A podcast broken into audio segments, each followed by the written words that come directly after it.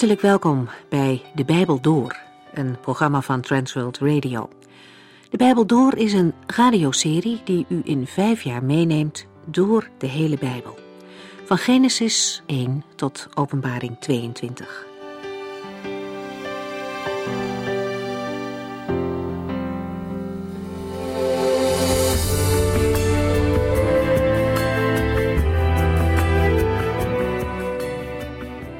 Vandaag gaan we verder met Matthäus 13.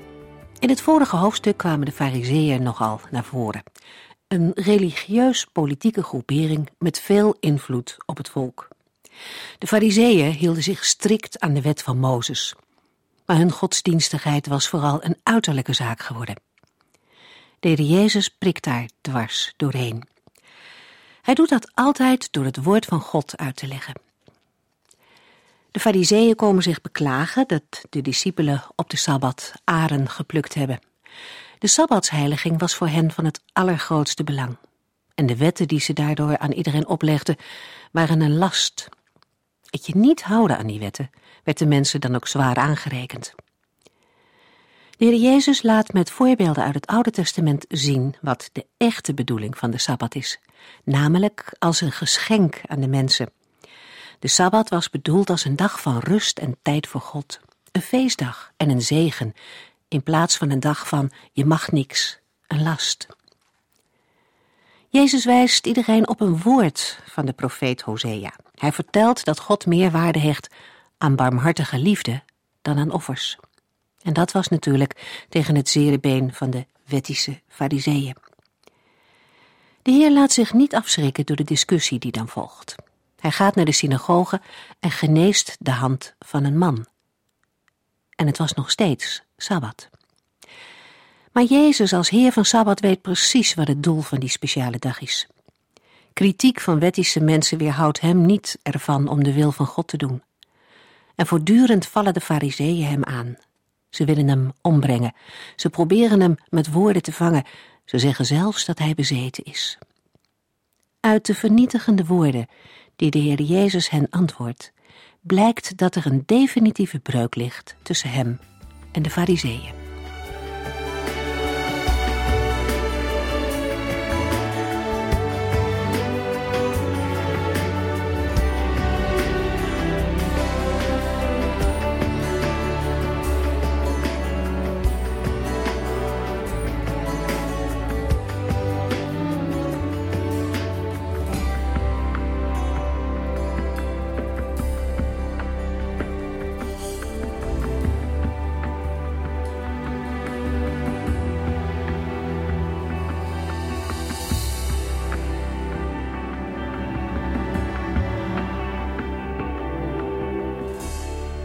Vorige uitzending zijn we geëindigd met de eerste twee versen van Matthäus 13. Later die dag verliet Jezus het huis en ging bij het meer zitten. Er kwam een grote menigte mensen naar hem toe. Daarom ging hij in een boot. Van daaruit sprak hij de mensen toe die op de oever stonden te luisteren.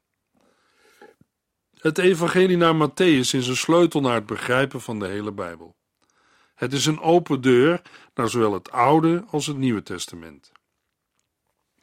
Matthäus 13 is een sleutel naar het begrijpen van het Evangelie naar Matthäus. Hoofdstuk 13 zal ons een beter begrip geven van wat het Koninkrijk van de Hemelen is. In Matthäus 13 begint de Heer Jezus een lange toespraak die uit zeven of acht gelijkenissen bestaat. Of het er zeven of acht zijn, hangt ervan af of men vers 52, als gelijkenis beschouwt of niet. Wat zijn gelijkenissen? Het Griekse woord voor gelijkenis gaat terug op een Hebreeuws woord dat diverse betekenissen heeft. Het betekent spreekwoord, gelijkenis, parabel, spreuk, raadsel, spotlied. In de evangelie wordt het woord gelijkenis in de eerste plaats gebruikt voor de verhalen van Jezus, waarmee hij de boodschap en de aard van het koninkrijk Gods toelicht. Beeldende en poëtische taal is kenmerkend voor een Oosterling. Een gelijkenis is een eenvoudige vorm van beeldspraak. Bijvoorbeeld, het volk is als schapen zonder herder, Matthäus 9, vers 36. Een bepaalde zaak wordt belicht door deze te vergelijken met iets concreets. Het voorbeeld belicht een zaak door een concreet deel te noemen van de omstandigheden waarom het gaat. In plaats van te zeggen dat men iemand goed moet behandelen, wordt gezegd een beker koud water geven. Matthäus 10, vers 42. De metafoor is een vaste vergelijking waarin de vergelijkingsschakel, aangeduid door het woordje als, ontbreekt. Een metafoor is een woord dat in overdrachtelijke zin wordt gebruikt. Alle talen hebben metaforen. In de Bijbel vinden we bijvoorbeeld vader, koning en herder als metaforen voor God. Wijngaard, kudde en olijfboom zijn onder andere metaforen voor Israël. Vrucht is een metafoor voor werk, slaap voor dood, en zo zijn er nog meer voorbeelden te geven. Ik gaf voorbeelden van afzonderlijke woorden en uitdrukkingen, maar deze afzonderlijke beelden kunnen zich ontwikkelen tot verhalen. Zo is het gelijkenisverhaal een uitbouw van de vergelijking. De diverse beelden worden dan uitgebouwd tot een verhaal. Om een voorbeeld te noemen uit Matthäus 13, de vergelijking van het koninkrijk Gods met een parel of een schat is een gelijkenisverhaal. Het is de meest gebruikelijke vorm van beeldspraak die door de Heer Jezus wordt gebruikt. Ook een voorbeeld kan uitgewerkt worden tot een voorbeeldverhaal. Zo'n verhaal wil dan een concreet voorbeeld ter navolging geven. Het is alleen de evangelist Lucas die ons dergelijke voorbeeldverhalen meedeelt. Bijvoorbeeld de barmhartige Samaritaan uit Lucas 10, de rijke dwaas uit Lucas 12 en de fariseer en de tollenaar uit Lucas 18. De allegorie is opgebouwd uit verschillende metaforen. Hierbij gaat het erom de eigenlijke betekenis uit te leggen door te onderzoeken wat de metaforen betekenen. In de Bijbelboeken, Openbaring en Daniel, wordt de allegorie een geheime wijze van uitdrukken die alleen voor ingewijden begrijpelijk is. Daniel legt de droom van Nebukadnezar uit als een allegorie. Daniel 2, vers 29 tot en met 45. De gelijkenis van de Heere over de onrechtvaardige pachters, Matthäus 21, vers 33 tot en met 46, kan worden opgevat als een allegorie. De Heer of de eigenaar duidt dan op God, de wijngaard en de arbeiders op Israël, de slaven op de profeten en de zoon op Jezus. De oogst is het oordeel en het nieuwe volk wijst op de gemeente of de kerk. Het is soms moeilijk een grens te trekken tussen gelijkenis en allegorie. Een gelijkenis kan verschillende metaforen bevatten en meer dan één point te hebben. In de moderne tijd heeft men zich verzet tegen het allegorisch verklaren van gelijkenissen. Niettemin is er een duidelijk allegorische inslag in diverse gelijkenissen aanwijsbaar. Jezus heeft zich in dit opzicht niet onderscheiden van zijn Joodse tijdgenoten. Bij hen waren gelijkenis en allegorie nauw aan elkaar verwant. Maar wij moeten de eenvoudige woorden van de Heer Jezus in beelden en gelijkenissen niet in allegorische richting overdrijven. Bijvoorbeeld, als er staat dat de zoon des mensen komt als een dief in de nacht, dan moet de nadruk vallen op het plotselinge van zijn komst. Er wil niet gezegd zijn dat de Heer Jezus ook in ander opzicht overeenkomst vertoont met de nachtelijke inbreker. De onrechtvaardige rentmeester, Lucas 16, vers 1 tot en met 9, wordt geprezen om zijn overleg in een bepaalde kritieke situatie, niet om het feit dat hij onrechtvaardig was. Deze gelijkenissen laten de richting zien van het koninkrijk nadat het is aangeboden maar door Israël werd verworpen. Ze onthullen wat plaats zal vinden in de tijd van de verwerping van Christus tot de tijd dat hij als koning terugkeert naar de aarde. Matthäus 13, vers 1 en 2. Later die dag verliet Jezus het huis en ging bij het meer zitten. Er kwam een grote menigte mensen naar hem toe, en daarom ging hij in een boot. Van daaruit sprak hij de mensen toe die op de oevers stonden te luisteren. Hoewel de Heer Jezus verschillende gelijkenissen vertelt, legt hij er maar twee uit, namelijk de gelijkenis van de zaaier en de gelijkenis van het graan en het onkruid. In de gelijkenis van de zaaier vertegenwoordigen de vogels Satan. Een conclusie die volgt uit vergelijking met vers 19. De gelijkenis van de zaaier is de eerste gelijkenis en kan als basis van alle gelijkenissen worden beschouwd. Matthäus 13, vers 3. Hij vertelde hun onder andere deze gelijkenis: Een boer zaaide koren op zijn land. Als ik alvast vooruitloop op de uitleg van de Heer Jezus, dan is de zaaier de mensenzoon en het zaad het woord van God. Matthäus 13, vers 4 tot en met 9. Bij het zaaien viel er wat zaad langs de weg en de vogels kwamen het oppikken. Er viel ook wat zaad op steenachtige grond.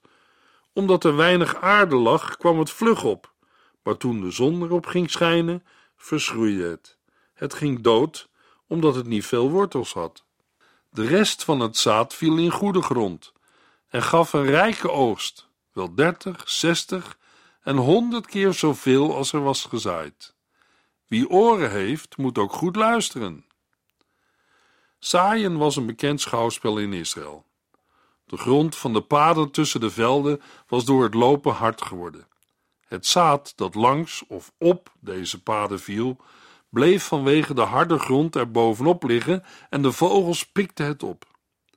Er is geen sprake van dat de zaaier zo onzorgvuldig en onbehouden zaait dat veel zaad verloren gaat.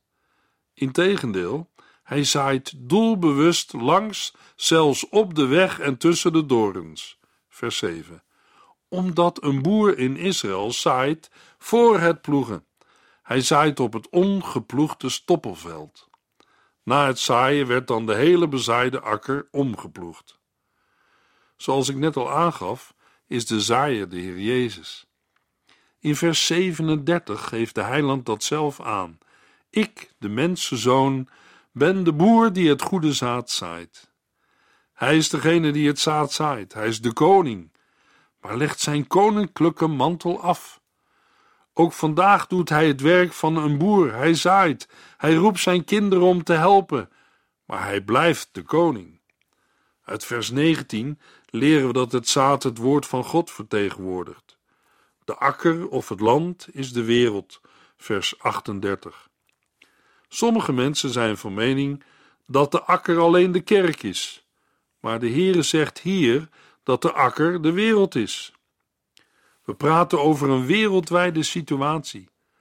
Wat moeten wij ons daarbij concreet voorstellen? De kerk van Christus leeft in de wereld.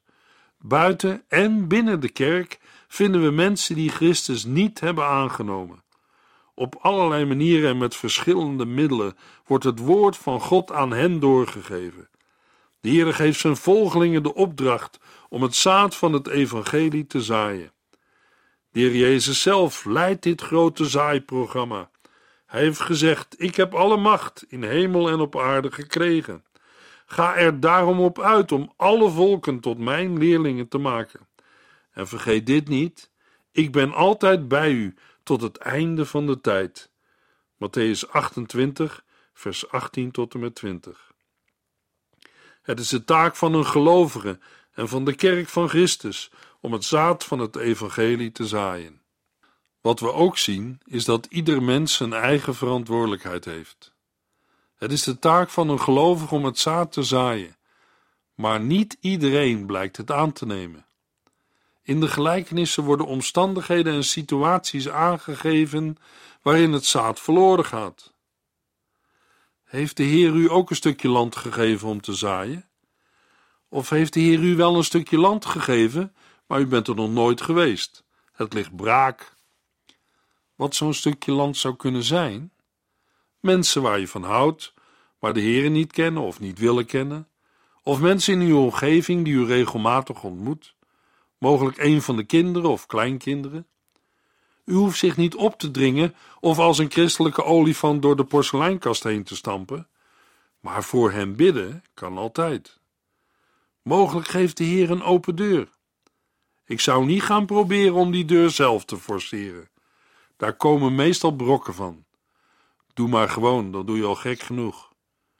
U kan de mensen het eeuwige leven niet geven, en de kerk ook niet. Ze mogen ervan vertellen, het zaaien. En de Heere, hij zal zijn genade geven, omdat hij niet wil dat mensen verloren gaan. Christus was diep geroerd toen hij zag hoe de mensen afgemat waren en zich geen raad wisten. Zij leken op een kudde schapen zonder herder. Wat is de oogst toch groot, zei hij tegen zijn discipelen. En wat zijn er weinig arbeiders. Vraag de landheer of hij meer arbeiders wil sturen om de oogst binnen te halen. Matthäus 9. De Heer heeft dit gezegd, vlak voordat hij zijn apostelen naar de verloren schapen van het huis Israël stuurde. Ook zij waren een akker. De tijd van de wet kwam aan een eind. Oogsttijd komt nadat het zaad gezaaid is. Gedurende ongeveer 1500 jaar was onder de oude bedeling de wet het zaad gezaaid. Toen kwam de oogst. Een nieuwe tijd brak aan, een nieuwe bedeling. Na het zaaien mag de oogst volgen. Daar mag je blij om zijn. Maar er zit ook nog een andere kant aan. De oogst, aan een eind van een proces dat met zaaien begint, kan ook een oordeel zijn.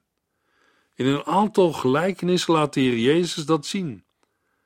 Luisteraar, waar hoort u bij? Bij het kaf of bij het koren? Waar valt het zaad dat in de gelijkenis wordt gezaaid? Het valt op vier soorten grond. En driekwart van het zaad komt niet tot zijn doel. Het groeit niet. Het gaat verloren.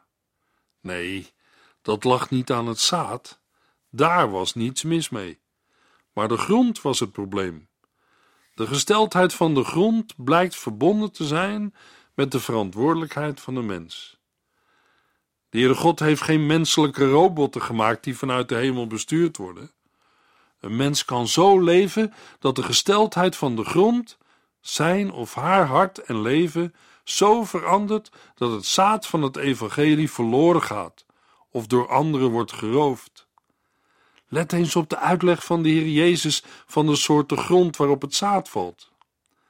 In vers 4 hebben we gelezen dat er zaad op en langs de kant van de weg viel en dat de vogels kwamen en het opeten.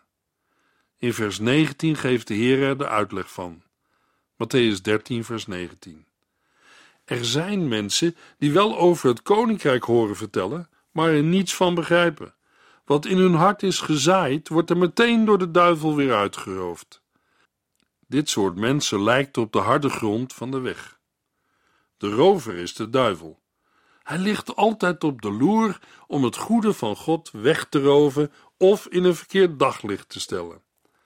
Hij heeft flink wat vreemde vogels in een kooitje. Waar mogelijk laat hij er zo een paar bij u los. Ze pikken het zaad van het evangelie weg. U hoorde het woord van God, maar het was niet het horen van het geloof. Het woord kreeg niet de wortels van het geloof. Het kreeg geen vastigheid in de grond. Vers 5 spreekt over steenachtige grond. Met welke mensen wordt dat vergeleken? Matthäus 13, vers 20 en 21. Er zijn ook mensen die over het koninkrijk horen vertellen en er direct enthousiast over zijn. Maar ze zijn oppervlakkig. Als zij moeilijkheden krijgen of om hun overtuiging worden vervolgd, moeten zij er ineens niets meer van hebben, want het zaad had nauwelijks wortel geschoten. Dit soort mensen lijkt op de steenachtige grond. Met steenachtige grond wordt niet bedoeld dat het land vol met stenen ligt, wat op zich vaak voorkomt in het oosten. Maar hier wordt de rotsgrond bedoeld, met daarop een dunne laag aarde. Omdat de boer nog niet geploegd heeft, weet hij niet waar er rotsgrond is en waar niet. Het ziet er eerst veelbelovend uit, maar het blijkt niets op te leveren. Mensen die met de steenachtige grond worden vergeleken, zijn het tegendeel van de eerste groep. Bij hen was het de duivel die het woord wegnam. Maar nu lezen we: Als ze moeilijkheden krijgen of om hun overtuiging worden vervolgd, moeten zij er ineens niets meer van hebben. Omstandigheden waarin een mens de meeste steun en kracht van het geloof mag hebben en ontvangen, blijkt geen wortel te kunnen schieten. Zijn mensen teleurgesteld in God? Of in mensen van de kerk? Misschien wel, maar we lezen: zij moeten er ineens niets meer van hebben. Dat is wel een eigen keuze die een mens zelf maakt. En daar ben je dan ook zelf verantwoordelijk voor. De derde groep mensen wordt genoemd in vers 7. Ze worden vergeleken met zaad dat tussen de distels valt en verstikt. De Heer Jezus geeft de uitleg in Matthäus 13, vers 22. Dan zijn er mensen die het goede nieuws horen, maar het laten verstikken door de zorgen van het leven en het verlangen naar geld. Eigenlijk doen ze niets met het goede nieuws dat ze hebben gehoord. Dit soort mensen lijkt op de grond die vol distels staat. Distels en dorens hebben een direct verband met de zonde. Zij zijn het directe gevolg van de vloek die over de aardbodem is gekomen door de zondeval in de Hof van Ede, Genesis 3 en Hebreeën 6.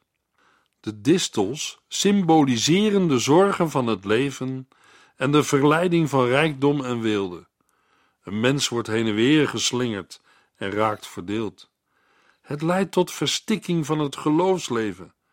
Een mens kan geen twee heren dienen. Het is interessant om te zien dat de mensen die hier genoemd worden, zich ook in ons maatschappelijk leven concreet laten aanwijzen. Mensen die in schrijnende armoede en buitengewone welvaart leven.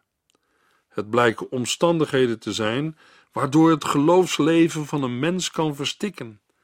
Het kan een mens er zelfs toe brengen om God en zijn woord vaarwel te zeggen. We hebben nu drie verschillende typen grond besproken. Maar daarmee moeten we niet de fout maken dat we het daarmee ook over drie typen gelovigen hebben gehad. Het zijn helemaal geen gelovigen. Ze hebben laten zien wat er met het gezaaide zaad kan gebeuren. Luisteraar, het is goed om onszelf, in het licht van deze gelijkenis, te onderzoeken. Matthäus 13, vers 8. Gelukkig valt er ook zaad in goede grond en geeft een rijke oogst. En de uitleg? Matthäus 13, vers 23. Ten slotte zijn er mensen die het goede nieuws horen en begrijpen. Bij hen draagt het zaad vrucht, soms honderdmaal, soms zestigmaal en soms dertigmaal zoveel. Dit soort mensen lijkt op de goede grond, waar het zaad mooi kon opkomen en vrucht dragen. Dit zijn de hoorders die het woord ontvangen en begrijpen. Niet elke gelovige is even vruchtbaar. Allen horen wel en begrijpen en dragen vrucht, maar niet in dezelfde mate. Nadat de Heer Jezus de gelijkenis van de zaaier heeft verteld, zegt hij: Wie oren heeft, moet ook goed luisteren. Matthäus 13, vers 9. Het woord van God moet op de juiste wijze worden ontvangen. Het feit dat de mens het woord van God hoort, is nog geen garantie dat je goed hebt geluisterd. Dat zal blijken uit de vruchten. En als er vrucht mag zijn, dan weet de prediker dat die vrucht niet altijd gelijk is. Bij hen draagt het zaad vrucht, soms honderdmaal, soms zestigmaal en soms dertigmaal zoveel. Matthäus 13, vers 10. Zijn leerlingen kwamen naar hem toe en vroegen: Waarom vertelt u de mensen altijd van dit soort gelijkenissen? Ja, wat is het doel van een gelijkenis? Iemand heeft gezegd: een gelijkenis is een aards verhaal met een hemelse betekenis. Er is meer van te zeggen, maar het is een goede definitie. Waarom geeft de heiland nu onderwijs over het koninkrijk in de vorm van een gelijkenis? Matthäus 13, vers 11. Jullie hebben het voorrecht de geheimen van het koninkrijk van de hemelen te begrijpen, antwoordde hij. Als iemand het woord van God wil leren kennen, dan kan dat. Maar het is ook mogelijk dat de mens de waarheid wel hoort, maar zijn oren ervoor sluit. Een mens die het woord van God niet wil horen en zijn of haar oren voor dat woord sluit, zal niet luisteren en ook niet begrijpen. Het zijn goddelijke waarheden die geheimenissen worden genoemd, omdat niemand ze kan begrijpen zonder openbaring van de Heilige Geest. 1 Korinthe 2. Jullie hebben het voorrecht de geheimen van het koninkrijk van de hemelen te begrijpen, antwoordde hij. Matthäus 13, vers 12 tot en met 17. Maar zij niet, want wie iets heeft, zal er veel bij krijgen, meer dan genoeg. Maar wie niets heeft, zal ook nog kwijtraken wat hij meent te hebben. Daarom gebruik ik gelijkenissen. De mensen horen en zien mij wel, maar begrijpen me niet. De profeet Jezaja sprak over hen toen hij zei: U hoort wel, maar begrijpt niet. U kijkt wel, maar ziet niet. Het hart van dit volk is onverschillig. Ze hebben hun oren dichtgestopt en hun ogen gesloten om maar niets te zien, te horen of te begrijpen. Daarom kunnen zij niet naar God terugkeren en kan Hij hen niet genezen. Gelukkig hebben jullie ogen die kunnen zien en oren die kunnen horen. Veel profeten en rechtvaardige mensen hebben ernaar verlangd te zien wat jullie zien en te horen wat jullie horen, maar zij konden het niet. De Heere zal nooit de deur sluiten voor iemand die wil horen. Wie niet wil horen, zal ze niet begrijpen. Jezus gebruikte gelijkenissen met dingen uit het dagelijks leven, dingen die de mensen van die tijd op hun duimpje kenden. Geestelijke waarheden worden geïllustreerd met voorbeelden uit het leven van elke dag. Iedereen kende ze en kon ze zien. In de gelijkenis van de zaaier zien we de huidige toestand van het koninkrijk. Het laat Gods heerschappij over de aarde zien. Tegelijkertijd roept Hij uit alle mensen een volk, de kerk, zijn gemeente, om Hem te dienen. Ten slotte zijn er mensen die het goede nieuws horen en begrijpen. Bij hen draagt het zaad vrucht, soms honderdmaal, soms zestigmaal en soms dertigmaal zoveel. Matthäus 13, vers 23. In de volgende uitzending gaan we verder met Matthäus 13, vers 24.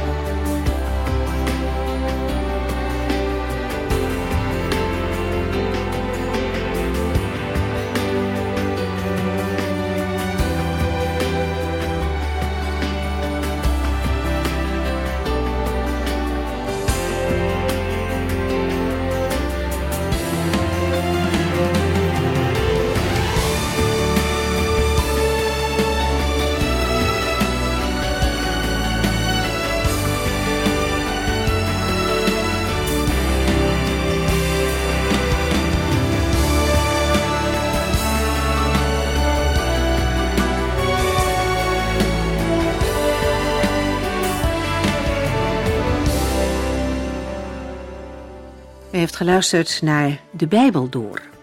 In het Nederlands vertaald en bewerkt door Transworld Radio. Een programma waarin we in vijf jaar tijd de hele Bijbel doorgaan.